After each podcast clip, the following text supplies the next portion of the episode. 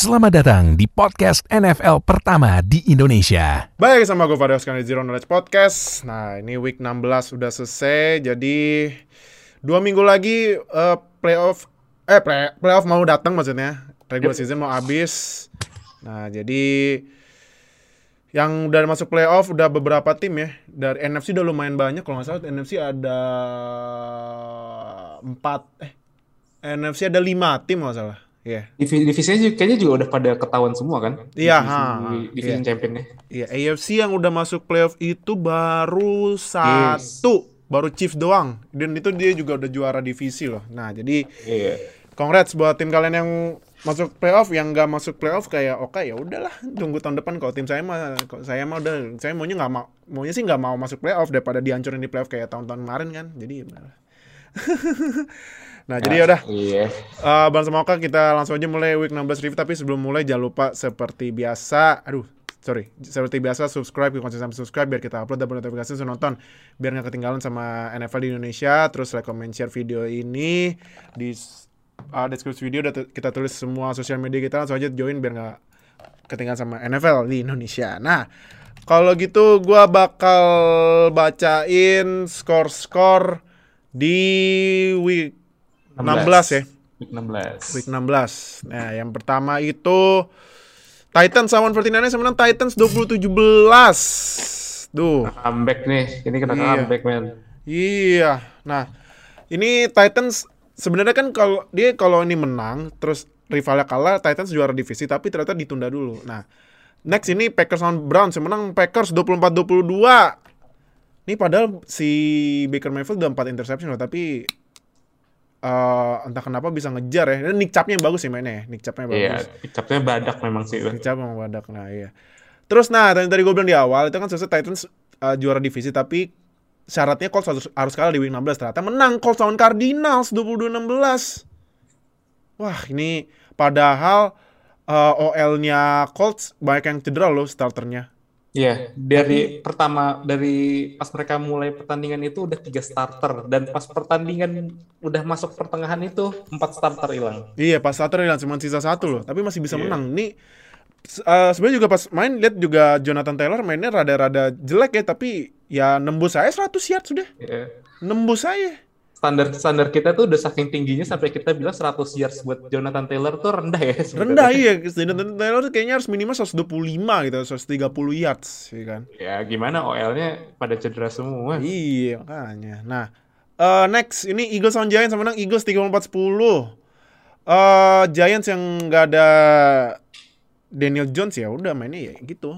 Nyai apa ya? Caur. Menurut lo Eagles bakal masuk playoff gak dengan Oh iya. kondisi sekarang nih? Bener-bener Eagles ini kan eh, sekarang tiba-tiba masuk eh, ke playoff picture ya si 7 kayaknya sih mood gue ya apalagi dengan Hurt eh sorry Jalen Hurts dan Eagles yang jadwalnya sisanya nih kayak cakewalk ya ya paling ketemu Cowboys yang, seru ya, yang, su- yang susah ya Iya, terakhir Cowboys. nah terakhir Cowboys terakhir kan Iya. nah biasanya nih kalau misalnya week terakhir apalagi Cowboys udah juara divisi pasti istirahatin starter. Hmm. ya kan? Nah ini kayaknya bisa nih Eagles menang nih. Ntar masuk playoff kayaknya. Kalau menurut gue sih Eagles bisa sih.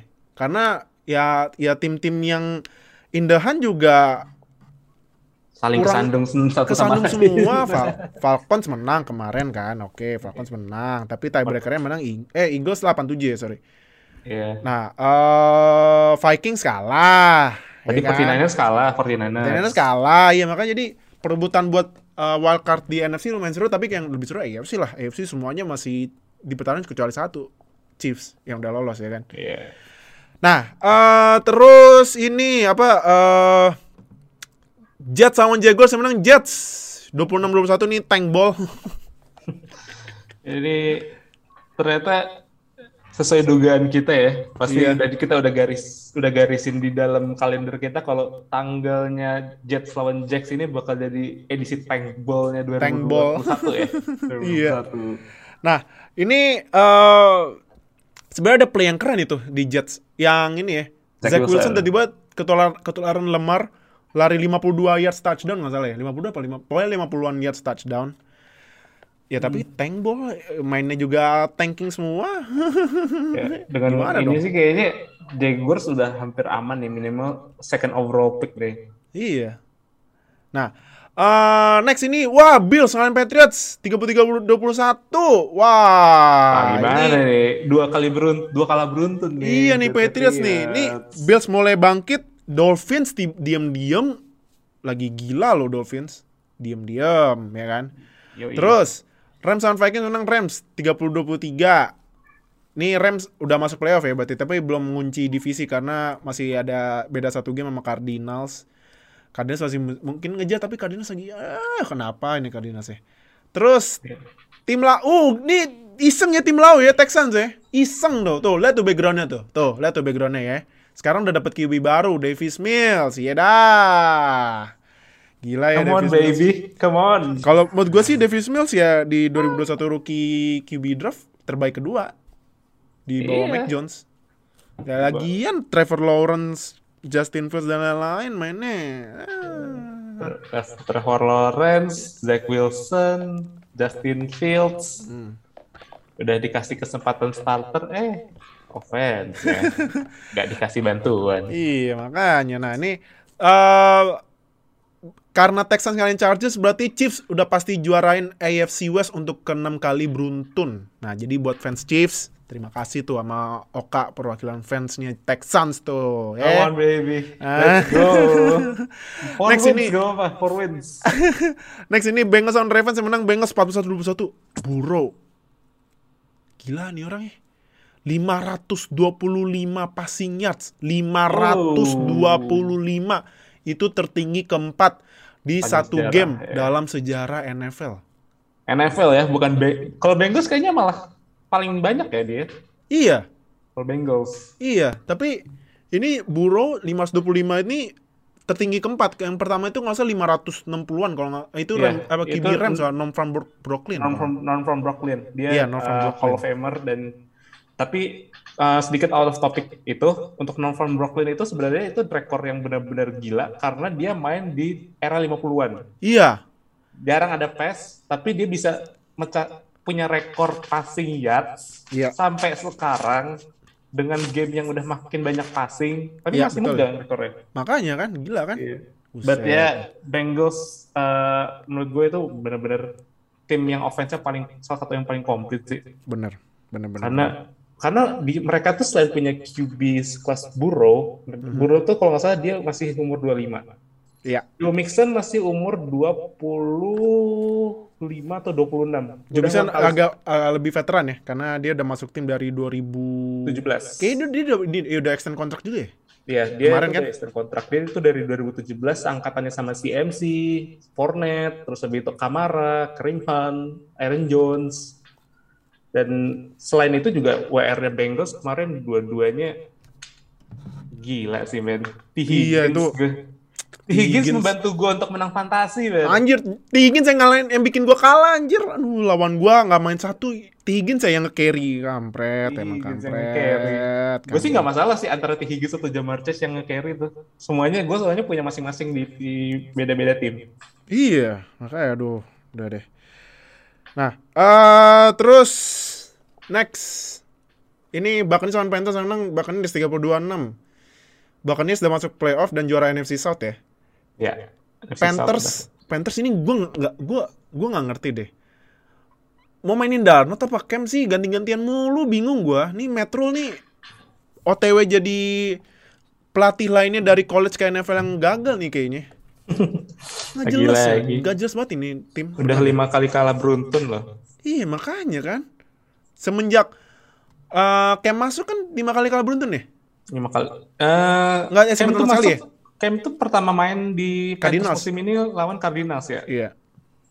Om, kalau Cardinals masih menang. Menang kan? Gitu. Iya. Abis itu kalah. Kalah terus. iya makanya nggak jelas ya man. Maunya apa gitu.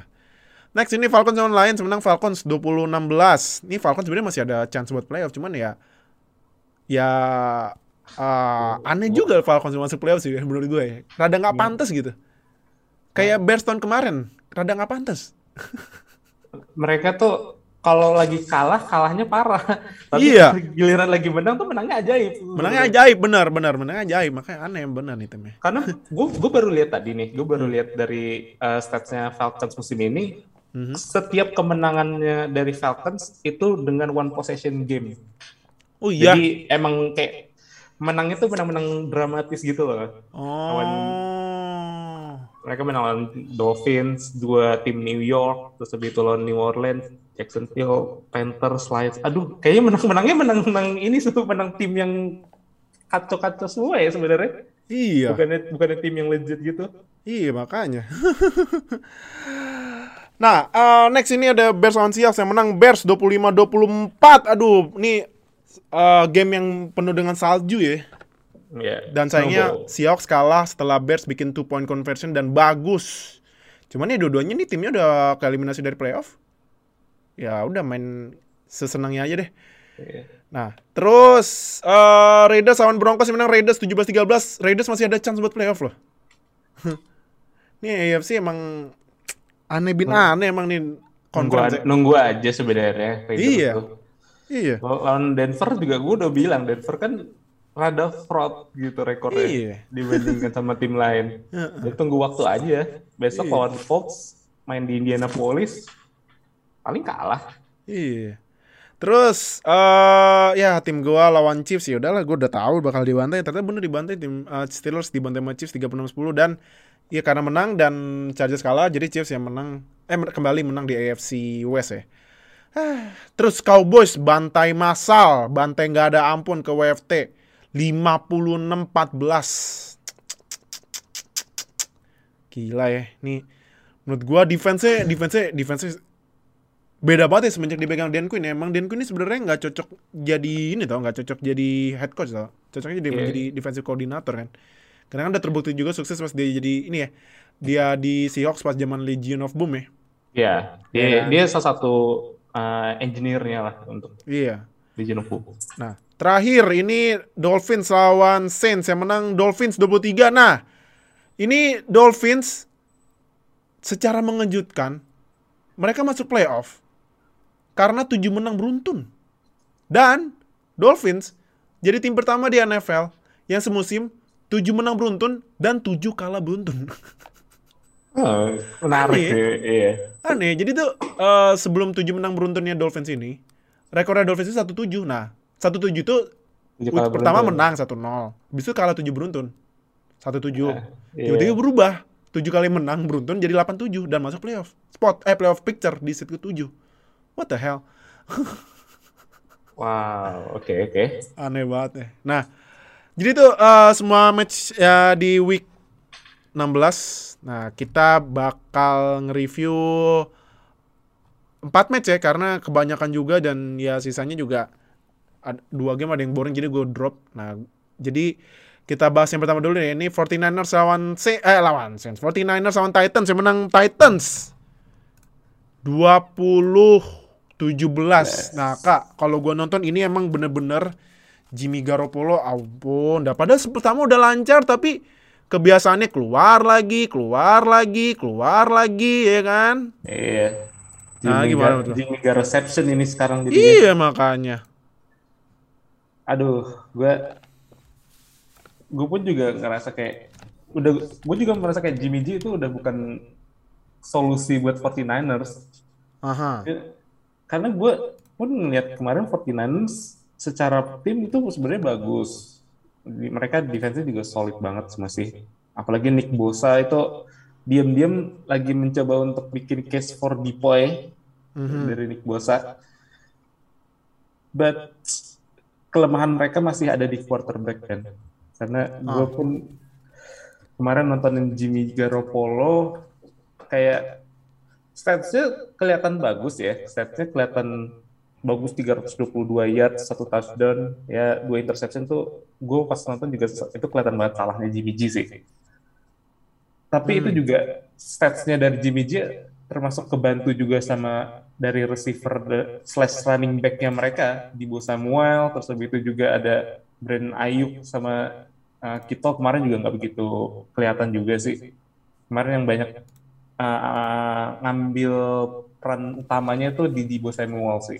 Mhm. Jadi apakah ini adalah waktunya 49ers buat pull the plug ganti Jimmy Garoppolo dengan rookie-nya Trey Lance? Hmm.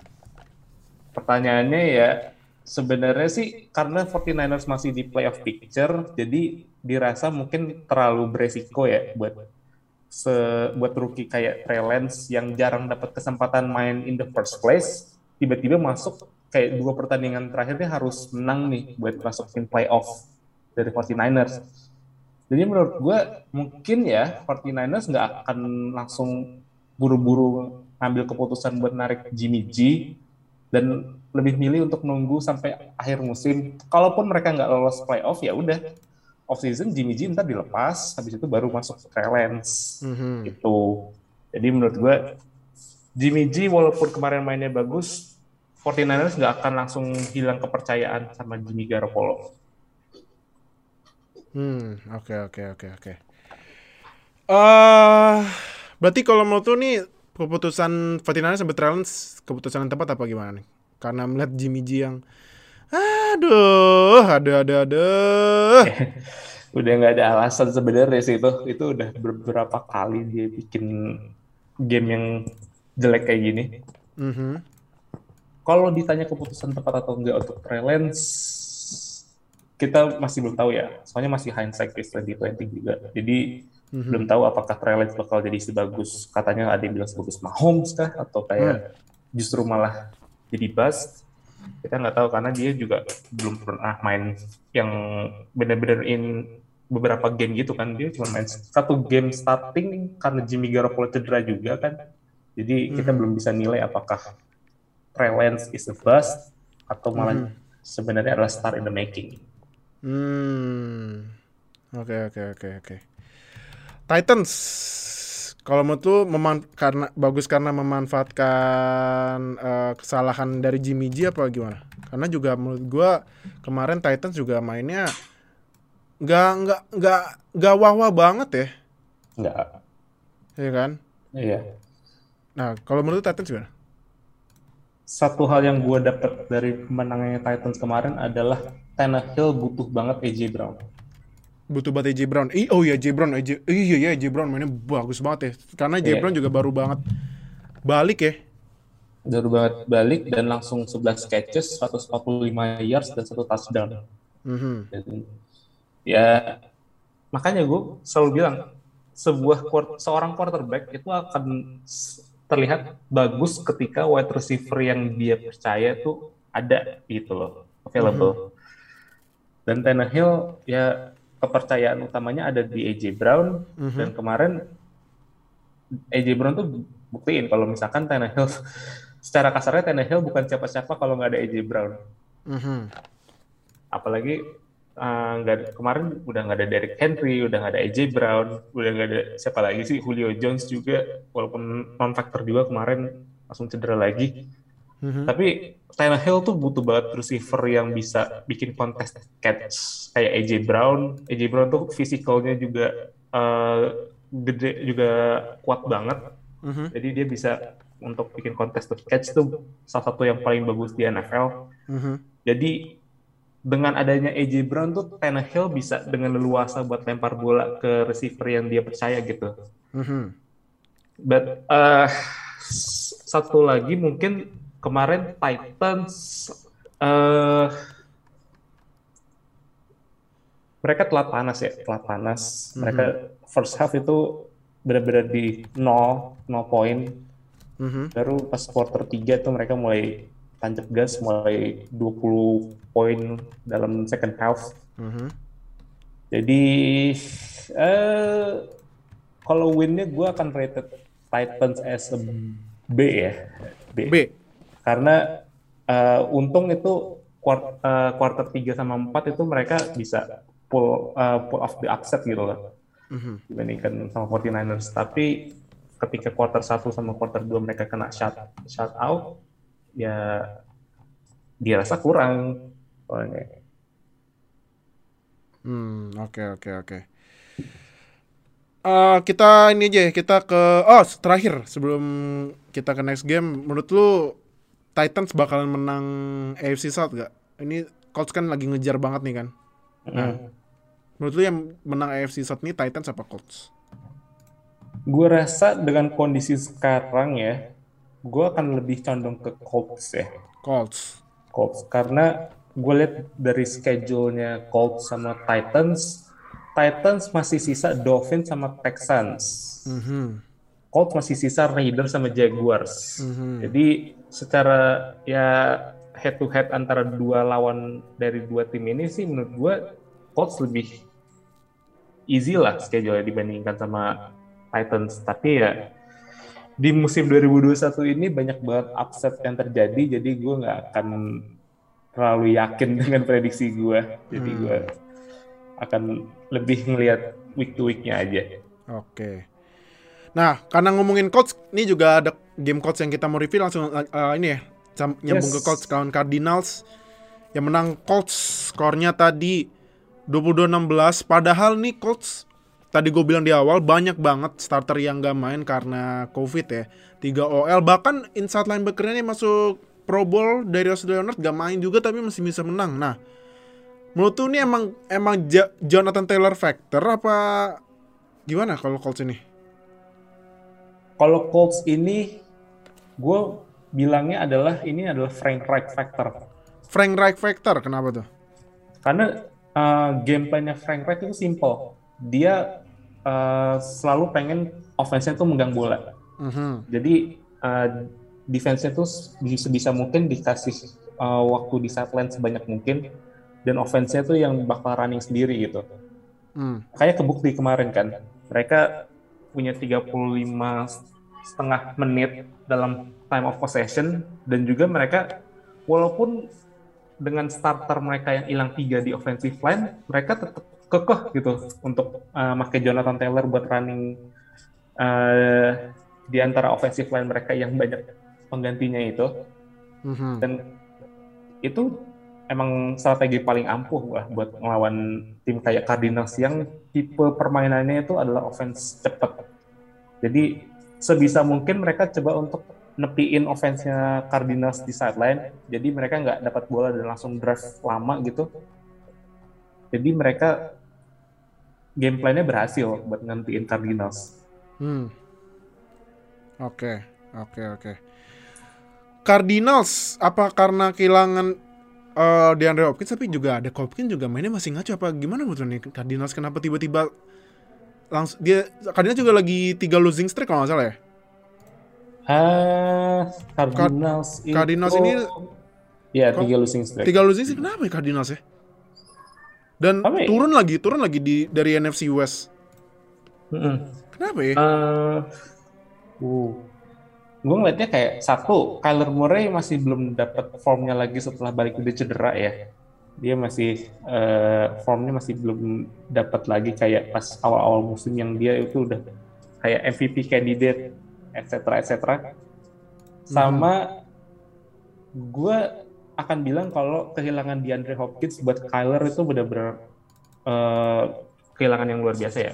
Ada lobang gitu di WR di posisi wide receiver mereka. Walaupun ada Christian Kirk, ada AJ Green, tapi eh, mereka secara kaliber masih di bawahnya di Andre Hopkins yang kayak ini faktornya kayak Tannehill sama AJ Brown tadi.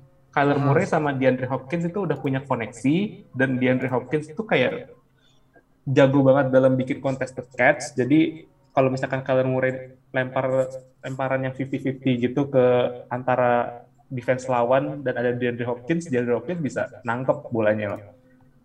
Dan ini kemampuan yang nggak ada di Christian Kirk, AJ Green, Zach Ertz, dan makanya kemarin kan juga Kyler sempat banyak banget dam- uh, ngasih short pass check down ke Chase Edmonds juga kan.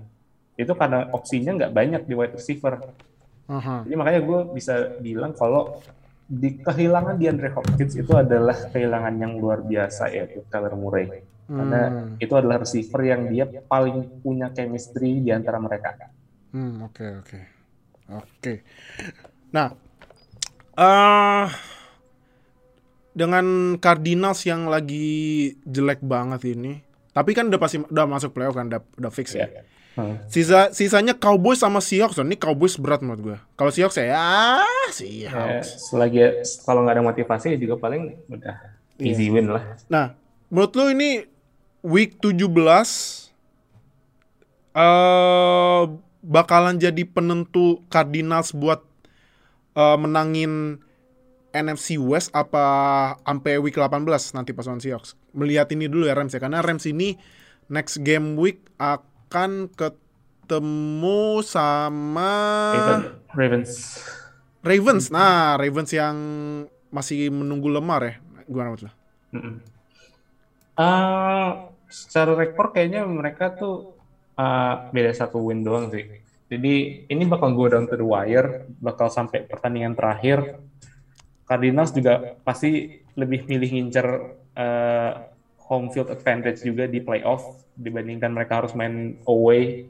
Mhm, Jadi ini bakal seru sampai akhir. mhm. Dan kuncinya Cardinals ini adalah di pertandingan minggu depan lawan Cowboys. Ah, buat nentuin apakah mereka bisa jadi juara divisi atau enggak. oke. Nah, eh kita ini ya, kita langsung ke next game ya. Yes. Next game ini ada Browns lawan Packers yang menang Packers 24-22. Nih kalau menurut lu kan dulu kan pas yang masih ada OBJ dibilang katanya OBJ OBJ problem ya. problemnya. Ternyata ini Mayfield gak ada OBJ juga masih mainnya jadi jelek, masih jelek 4 interception. Nah, jadi menurut lu ya problemnya Baker atau gimana? Pada akhirnya ini akan berakhir di Baker sih. Baker Karena ya? Baker ini dia itu benar-benar terover prone banget ya. Dia interceptionnya juga di- dari dia rookie season sampai sekarang itu adalah paling banyak dalam di NFL dari tahun 2018 sampai sekarang.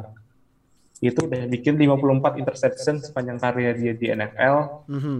Jadi pertanyaannya adalah apakah Baker adalah jawaban buat Browns di quarterback atau enggak? Well, at least Cleveland Browns nggak ganti-ganti quarterback tiap tahun kayak dulu lagi ya. Ah, iya iya iya iya. Di mana dari zaman dulu itu Cleveland Browns bakal jadi samsaknya buat Steelers sama Ravens, apalagi Betul. sama Bengals lagi. Aha.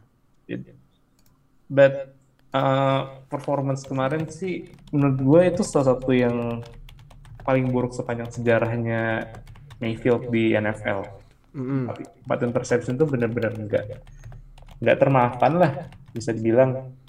Apalagi seenggaknya Browns kemarin bisa nggak uh, kebobolan banyak sama Rodgers ya, walaupun Aha. ada tiga tiga touchdown, tapi ya mereka bisa limiting di impact aja dari Rodgers ataupun dari offense Packers. Hmm. Apalagi dibantu sama Nick Chubb yang bikin 126 rushing yards juga tadi lu udah bilang satu Hmm. touchdown. Tapi empat interception itu benar-benar game breaker buat Browns.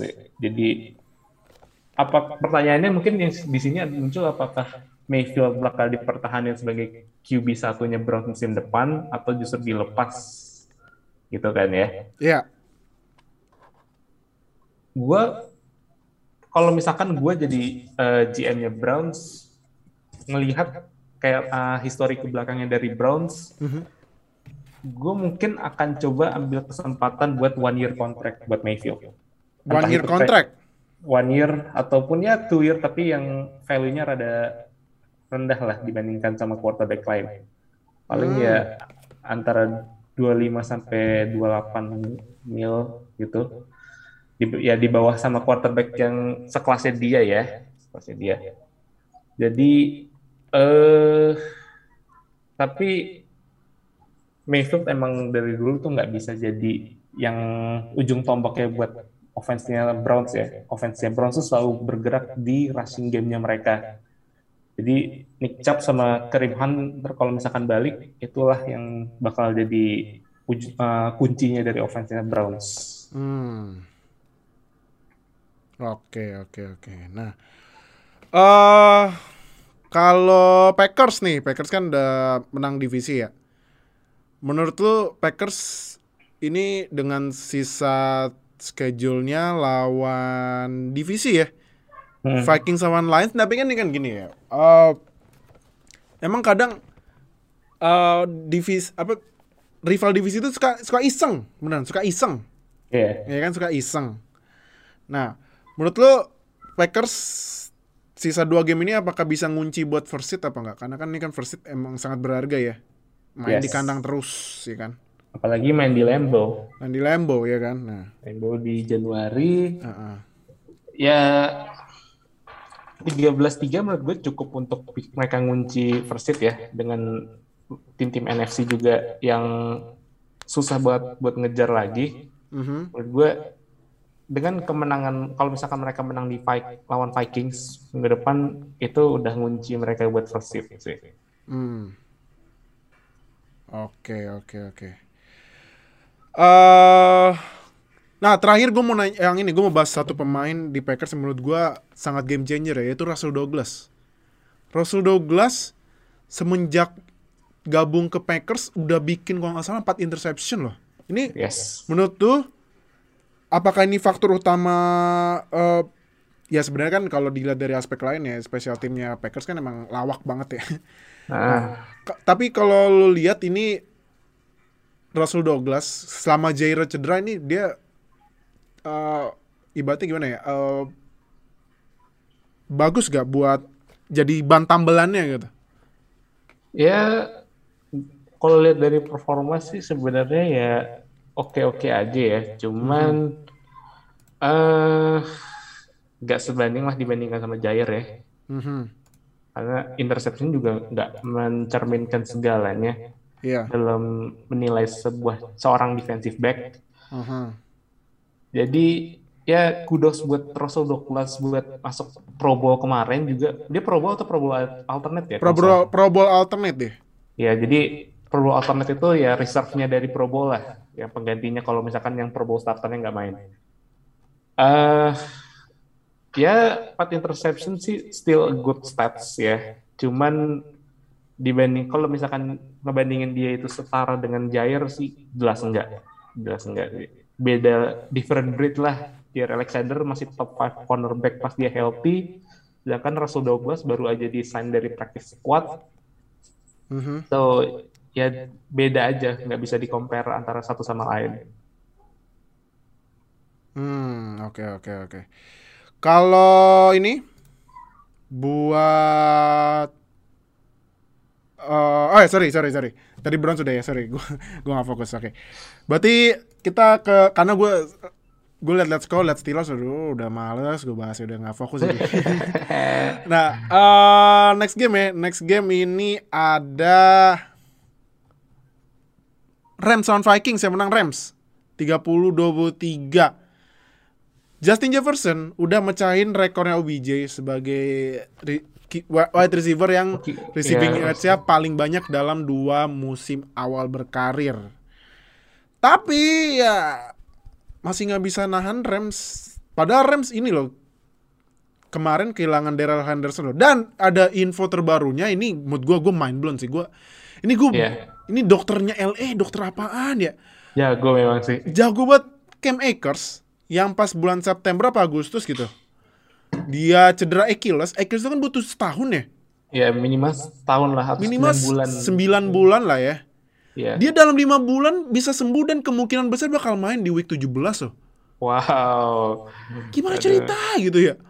Caranya Ini an- gimana ya gitu? ini kemungkinannya antara dua ya, antara dokternya yang benar-benar ajaib di LA atau emang Ramsnya ini lagi nge-force pemain-pemain yang mereka punya tuh untuk main lah nih. Kita udah mau ngejar playoff nih biar pada healthy semua gitu loh. Iya. Makanya jadi gila ini. eh apa Cam Akers bisa sembuhnya cepet banget. Tapi kalau dari game kemarin ini kenapa Rams yang ya apa mungkin karena Sonny Michel yang mainnya bagus, mainnya Sonny Michel mainnya bagus ya. Hmm. Pas gantiin Henderson apa gimana betul kalau Rams?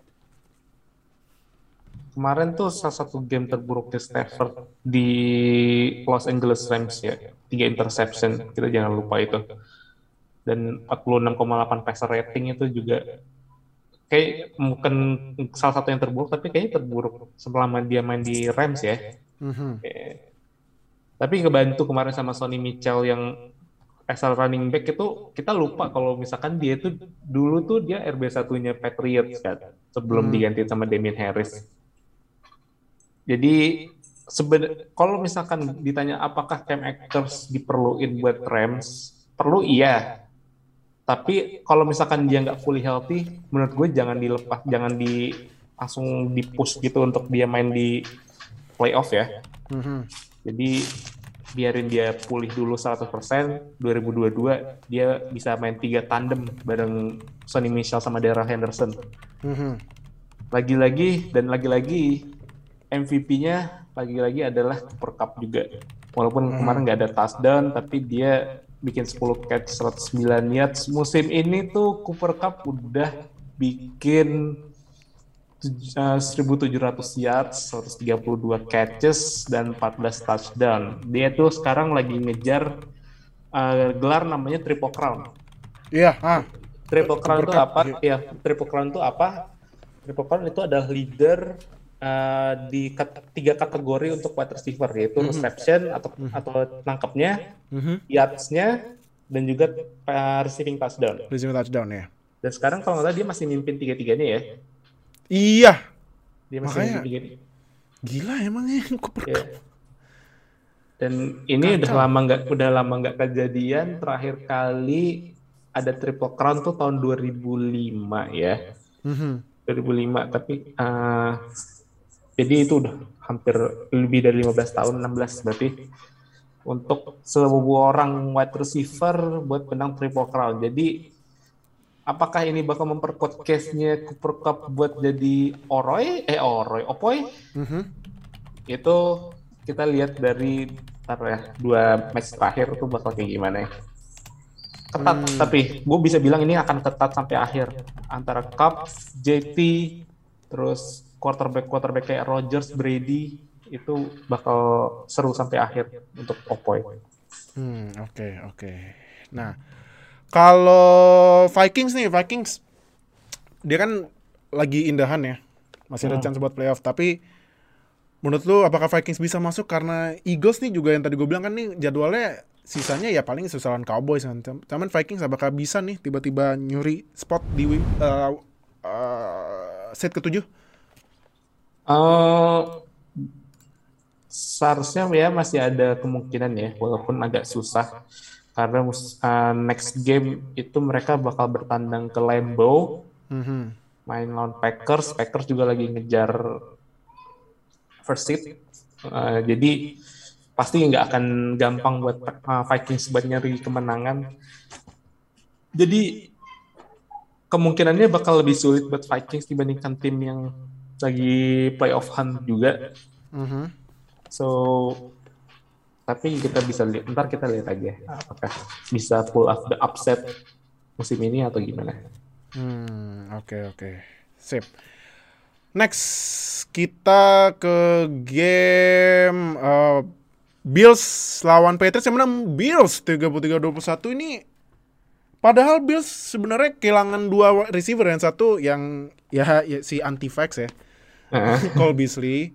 Satu lagi temennya Gabriel Davis yang juga mungkin ikut-ikutan sama Beasley dia nggak vaksin jadi nggak bisa main sampai week 17. Hmm. Padahal kemarin Gabriel Davis mainnya bagus dan gue ambil dia di fantasy tiba-tiba nggak main kampret emang. nah, eh, tapi ya penggantinya juga mainnya bagus ya, Isaiah McKenzie, ya kan? Dan juga Stephon Diggs yang itu ya apa perayaan touchdownnya you you and you shut the f up. Kedengeran tuh di mic up-nya nah, Emosi. nah kalau menurut lu nih kenapa Bills bisa menang krusial nih menurut gue ya, lawan Patriots buat ini ya? Karena Bills juga naik lagi kan ke puncak AFC East. Dan kalau nggak salah Bills nyapuin Patriots ya? Apa satu satu ya? Gue lupa. Eh, Bills itu satu satu ya? Tunggu. Kalau- eh, Patriots. kalau nggak salah sih tar coba gue cek ya Nggak satu-satu. satu satu tapi rekor divisinya lebih bagus Bills Bilson ya? Pe- ya Bilson Patriots itu kan yang pas Mac Jones cuma lempar tiga kali. ah iya iya iya iya. oh oh iya ya Yang lempar tiga kali itu. oke ta- ah, tapi gimana kalau menurut Bills kemarin Salah satu penampilan paling impresif dari Bills ya musim ini. Karena dengan lawan divisi rival yang lagi hot-hotnya, walaupun kemarin hmm. kemarin sempat kalah lawan Colts, tapi uh, kemarin offense-nya tuh benar-benar nyetel banget. Hmm. Josh Allen being Josh Allen kemarin, terus habis itu tanpa adanya Cole Beasley sama Gabriel Davis, penggantinya itu uh, Isaiah McKenzie bareng Stephon Diggs kemarin hmm. juga show up. Hmm. Dan ini yang gue selalu bilang sama gamesnya Bills kemarin eh, kemas sebelum sebelum di episode sebelumnya mhm. mereka harus coba untuk run the ball lah mereka mhm. harus coba untuk run the ball jadi mhm. Josh Allen tuh bisa untuk run the ball tapi pada akhirnya itu bakal banyak ngandelin Devin Singletary sama Zach Moss juga untuk running game-nya. Jadi yeah. mereka butuh running game yang solid buat bikin offense-nya lebih komplit lah. Jadi bisa membantu Josh Allen buat ngelempar yang lebih enak aja. Ah, oke. Okay. Dan juga kan kemarin uh, New England Patriots itu sebenarnya nggak terlalu bagus in terms of run defense. Mm-hmm. Jadi harus banyak sering-sering dikasih running game aja buat tim yang lawan Patriots. Karena mm-hmm. itu salah satu weak link-nya dari defense-nya Bill Belichick. Hmm, oke, oke, oke, oke. Uh, Patriots, kenapa nih tiba-tiba kalah lagi? Nyambung ke lagi, defense uh, run defense-nya tuh rada ini ya, rada lemah dibandingkan pas defense-nya. Mm -hmm. Dan kemarin tuh third down conversion-nya juga uh, kemarin juga nggak bagus. Kemarin sempat, kayaknya mereka sempat uh, 0 dari 9 untuk third down conversion-nya mereka jadi uh, menurut gue nggak harus panik banget mm-hmm. karena Patriots ini bakal ngelawan siapa lagi ya? Uh, next weeknya itu bakal ngelawan Jaguar sama Dolphins. Mm-hmm. Jaguar seharusnya easy win buat mereka, tapi karena ini division title race-nya lagi seru-serunya, ini bakal sampai akhir di week terakhir itu mereka bakal bertandang ke dal ke Miami lawan mm -hmm. Dolphins. Jadi kita tahu juga kan kalau track recordnya Patriots di Miami itu nggak begitu bagus. Iya. Yeah. Apalagi kita ingat pas dulu tuh yang Miami Miracle. Iya. Yeah. Itu kejadiannya di, di kandangnya Miami juga. Aduh, betul. itu salah satu yang paling lucu comeback yang terlucu sepanjang sejarah sih menurut gue. Uh-huh. Jadi uh, ini salah satu division title race yang paling seru sih musim ini. Hmm. Karena ini pertandingan sampai akhir, sampai pertandingan uh, Patriots lawan Dolphins sama Bills. Seharusnya kalau Bills lebih dapat upper hand aja ya, lebih dapat advantage karena mereka bakal lawan Falcons sama Jets next week, two weeks. Jadi bakal lebih diuntungkan in terms of jadwal dibandingkan Patriots ataupun Dolphins. Hmm, oke. Okay. Nah, uh, terus itu ya, berarti satu, dua, tiga, empat, lima game yang udah kita review. Cuman terakhir nih, hmm. yang gue mau tanya, siapa yang bakal menang AFC East? Karena Bills mimpin sekarang kan. Hmm Yes. Patriots kedua kalah di tiebreaker.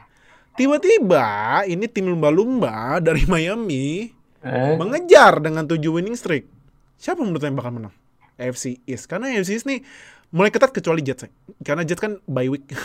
Ya, yeah, even uh, bye, weeknya tim bye weeknya AFC East nih. Tim bye week. Iya. Yeah. Kayak gue bilang tadi, ini pertandingannya uh, race-nya bakal sampai akhir, bakal sampai week 18.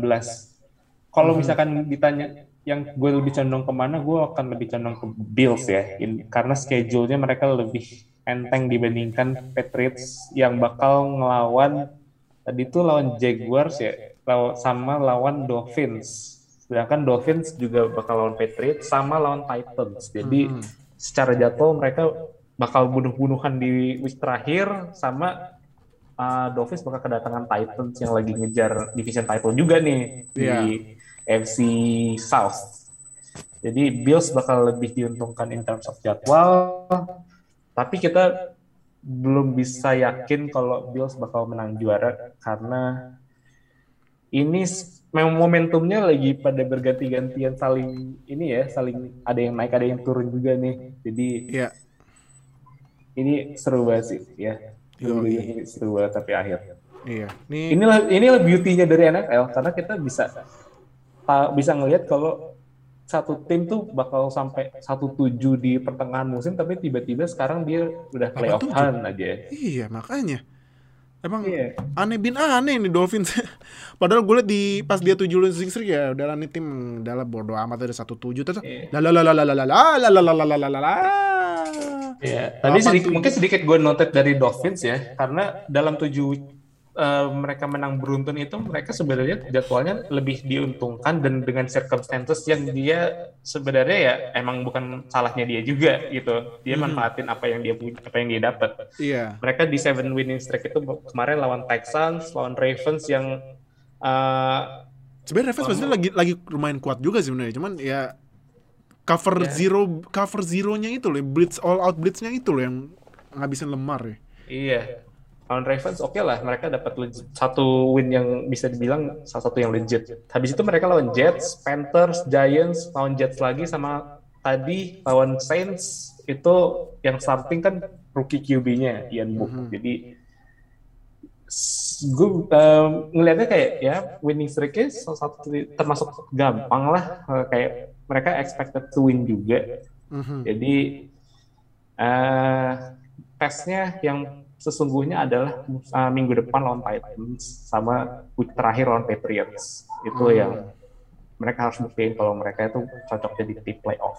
Oh oke oke Nah Itu semua gamenya ya Yang kita review Nah jadi gua akan Membacakan Playoff picture yang gua cek Ini Berubahnya lumayan banyak ter- Terutama di AFC Bukan NFC ya, AFC Oke Nah kita baca yang AFC dulu ya Karena tadi gue bilang itu Pertama masih Chiefs Kedua Titans Ketiga Bengals. Wow. Wow. Keempat Bills. Wow. Kelima Colts. Keenam Patriots. Wah, langsung jeblok. Ketujuh Dolphins. Wow. Dolphins loh. Bener-bener Tiba-tiba loh. ini apa? What what is? Iya. What what is? Tiba-tiba masuk loh. Nah loh. Terus di NFC. First seed Packers. Seed kedua Cowboys. Seed ketiga Rams. Seed keempat Buccaneers. Seed kelima Cardinals. Uh, langsung jatuh Cardinals ya. Kemarin sempat 7 winning streak Iya. awal-awal. Eh, Eh, tahu-tahu. Aduh. jeblok. Iya. Seed keenam. lolos sudah. Iya, tapi udah lolos. Ini tergantung seedingnya aja nih gimana nih Cardinals maunya lawan siapa. Keenam, seed uh, seed keenam sorry, 49ers. Seed ketujuh Eagles. Wow, menarik ya ini ya. Buat apalagi yang buat perebutan di seed ketujuh ya, karena ini Dolphins sama Eagles tau-tau masuk loh, mendadak masuknya. Nah, jadi itu review di week 16. Thank you Oka yang udah join, thank you semuanya yang udah nonton di YouTube dan dengerin di Spotify. Jangan lupa seperti biasa subscribe, klik lonceng sampai subscribe biar kita upload dapat notifikasi langsung nonton biar nggak ketinggalan sama NFL di Indonesia dan jangan lupa like, comment, share video ini. Yang di Spotify langsung follow aja biar dapat notifikasi. Sosial media udah kita tulis di deskripsi video ini ya, gak usah malu-malu langsung join. Gak bisa nih, lagi ini tahun baru udah ini ya udah mendekat ya 2022 berarti playoff time sebentar lagi. Here. Oke. Nah, karena udah, kalau udah playoff Februari nanti 14 Februari persis hari Valentine ya. Iya, 14 Nah, Februari persis- ya Per- iya, persis hari Valentine itu bakalan main Super Bowl 56. Nah, jadi apakah tim lu yang akan mendapat cinta atau patah hati ntar di Super Bowl 56? Oh iya, bagus benar benar benar benar. Iya kan? Kita lihat aja ya. Nah, jadi thank you Oka dan join. Thank you semuanya udah nonton dan dengerin. See you di episode minggu depannya. Dadah semuanya. Boleh.